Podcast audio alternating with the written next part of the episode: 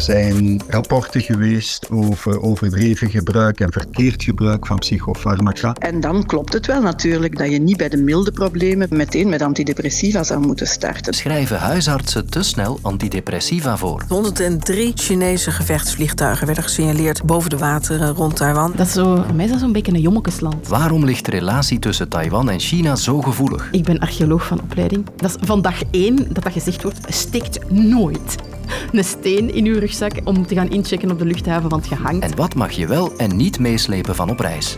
In jouw reiskoffer vandaag kan alvast een gloednieuwe aflevering van deze podcast, de eerste van een nieuwe werkweek. Ik ben Lode Roels, welkom. Ah, zo beter? Excuus. Ik ga herbeginnen. Minister van Volksgezondheid Frank van den Broeke riep de pers samen vanochtend. Um, dankjewel voor de komst. Er zijn nogal wat sprekers hier achter de tafel. Het thema was psychofarmaca. Dat is een verzamelnaam voor medicatie zoals kalmeer- of slaapmiddelen en antidepressiva. En de cijfers daarover waren alarmerend, zei de minister. Eén op vier van de Belgen gebruikte in het jaar 2022 psychofarmaca. En bij minderjarigen is het gebruik van antidepressiva, met name de voorbije jaren, zeer sterk gestegen. Het aantal jongeren dat antidepressiva neemt is de voorbije vier jaar zelfs met 60% gestegen. En ook in andere leeftijdsgroepen blijft het gebruik hoog. Hoe komt dat? Waarom gebruiken we zoveel antidepressiva? Ja, met Stefan Klaas. Stefan Klaas is professor psychiatrie aan de KU Leuven. Zeker voor de meer ernstige depressies is medicatie echt wel aangewezen. Maar ik zou toch zeggen dat medicatie, zeker in die mildere gevallen, enkel een hulpmiddel kan zijn voor een beperkte tijd. Ik denk dat depressiva meer gebruikt worden door veel mensen om om te gaan met chronische stress. Mensen ervaren veel druk en dan krijgen ze allerlei klachten. Dat kan gaan over spanningsklachten, slaapproblemen, angsten, uh, soms ook lichamelijke klachten, wat hoofdpijn of darmklachten, die ook stress, uh, door stress veroorzaakt zijn. En dan, ja, dan is het niet zo eenvoudig om daarvoor een, een oplossing te vinden. En dan gaat men naar de arts. En dan is soms de meest voor de hand liggende of de snelste oplossing om een medicament te gaan nemen. En dan zullen artsen nogal een keer adviseren om antidepressiva te nemen. De minister richt zich in een nieuwe campagne nu echt naar artsen, vraagt hen om doordacht uh, dat soort medicatie voor te schrijven. Schrijven de huisartsen nu te snel antidepressiva voor, denkt u? Die huisarts ja, die kan ook niet overen, dus die doet wat hij kan met de middelen die hij heeft. En die schrijft antidepressiva in een aantal gevallen voor en ik kan dat helemaal begrijpen. Ja, maar er zijn toch ook alternatieven voor de geneesmiddelen? Er zijn eenvoudige dingen die men kan doen. Bijvoorbeeld meer bewegen is vaak een goed advies, of eventueel uh, mindfulness-achtige oefeningen. Maar natuurlijk, het waarschijnlijk het beste alternatief zou zijn gesprekken of begeleiding bij een psycholoog. En er zijn wel inspanningen gebeurd om meer psychologen sneller beschikbaar te stellen. Maar toch blijft dat een belangrijke uh, ja, barrière. Hè. Ten eerste, de wachttijd kan soms toch vrij lang zijn. Ten tweede, ook niet iedereen is bereid om zomaar in psychologische therapie te gaan. Ja. Kinder- en jeugdpsychiater Marina Dankaerts van de KU Leuven zei vanochtend op Radio 1 dat we misschien ook gewoon wat beter moeten leren aanvaarden dat het leven niet altijd perfect is. Hè? Luistert u even mee naar wat ze zei. Ik vind dat iedereen mag zeggen hoe hij zich voelt. Dat betekent niet altijd dat je professionele hulp nodig hebt. Je zou ook moeten kunnen terugvallen in eerste instantie op volwassenen rondom je, die daar op een geruststellende en beveiligende manier mee omgaan. En ook zeggen, kijk, je minder goed voelen, dat hoort ook gewoon bij het leven. Elk probleem is ook een leermoment om, uh, om je sterker te maken. Volgt u haar redenering? Dat is ook zo. En we zien dat veel jongeren zich wat uh, verliezen in faalangst en perfectionisme. Zo het idee van het moet ideaal zijn, het ideale uh, lichaam, het ideale uiterlijk, de ideale hobby's, de ideale vrienden. En ook veel naar elkaar kijken op sociale media. Terwijl ja, het leven is nu een keer uh, een, een, koers met hindernissen. Hè. Er zijn dingen die goed gaan, er zijn dingen die wat tegenvallen.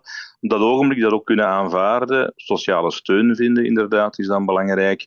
Maar ook ja, een beetje afstand doen van dat idee dat alles perfect moet zijn. En het perfecte leven, dat bestaat natuurlijk niet. Hè. Maar het basisprobleem, als ik u goed begrijp, is in veel gevallen toch chronische stress. Hoe lossen we dat dan op? Er is geen voor de hand liggende oplossing. Hè, maar ik denk dat we maatschappelijk daar breed over moeten nadenken. Sommigen wijzen op het belang van mildheid. Dat we onze jongeren moeten leren om mild te kijken naar zichzelf, naar hun uiterlijk, naar hoe ze hun leren aan het opbouwen zijn tegelijkertijd ook wat realisme bijbrengen. Wie ben ik? Wat kan ik? Wat past bij mij? Wat past niet bij mij? En wat ik ook te belangrijk vind, is ik merk ook dat bij jongeren soms de hoop wat weg is. Zo, hè. We horen veel alarmberichten over het klimaat en over ander onheil in de wereld. En dat ook juist, maar we moeten ook jongeren vooral ook bijbrengen dat er veel hoop is. Hè. En dat we ook mogen kijken naar wat er wel goed gaat en daar een stukje dankbaar voor zijn. Het zou erg zijn dat we dat alleen maar psychologen dat kunnen bijbrengen. Het is een taak van iedereen die in de maatschappij actief is, om dat soort elementen genoeg naar voren te brengen, volgens mij.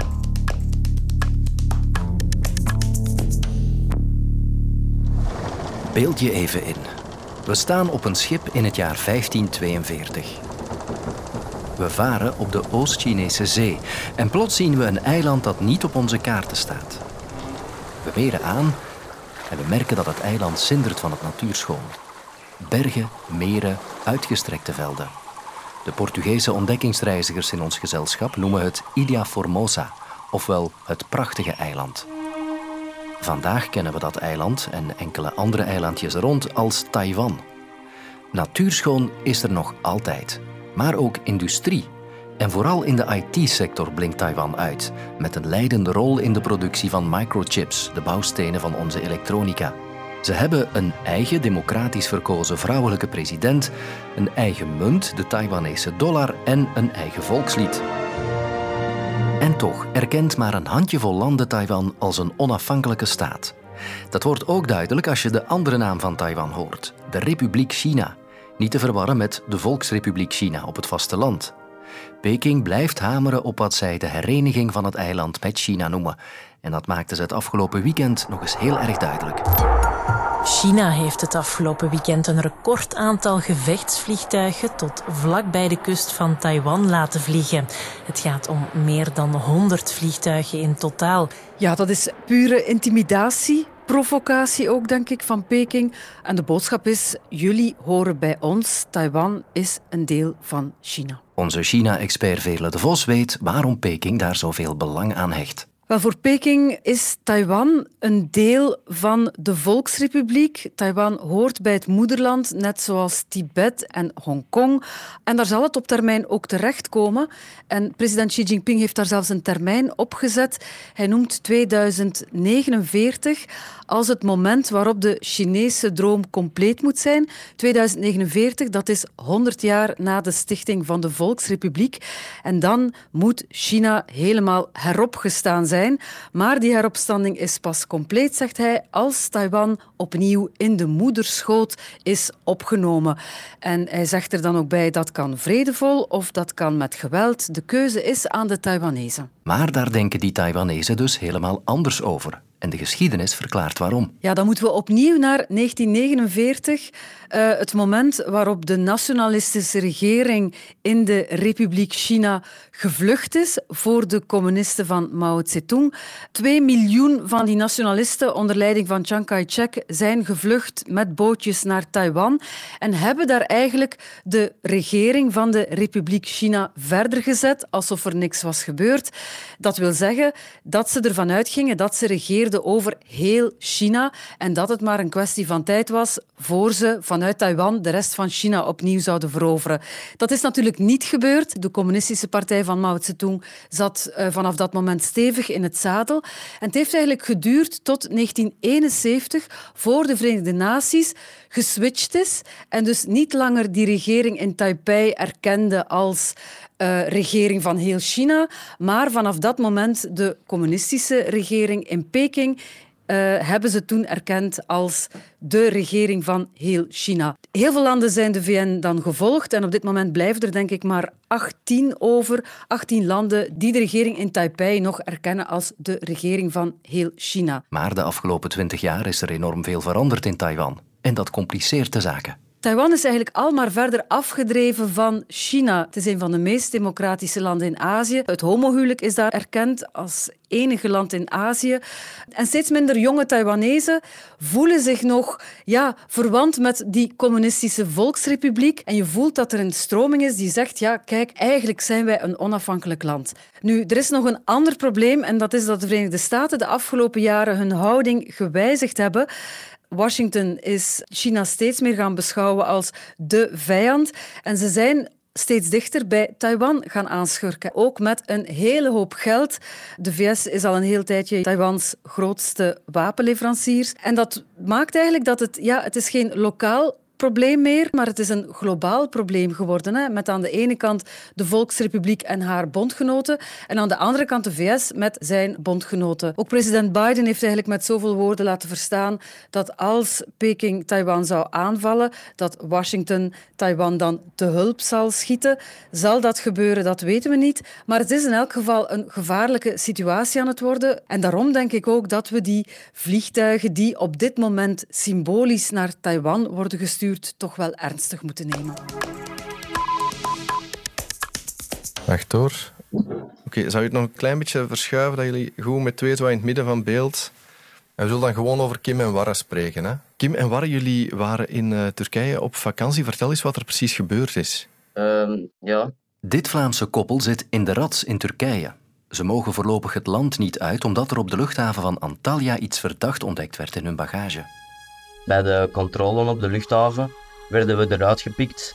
Een vrouw kwam naar ons en die vroeg of dat we zout bij hadden of zo. Iets van mineralen of zo. We zeggen wel van ja, er zit wel steen in ons kop. Want af en toe nemen we wel eens een steen mee van de, van de prijs. Ik vroeg ja, is er, is er een probleem of zo?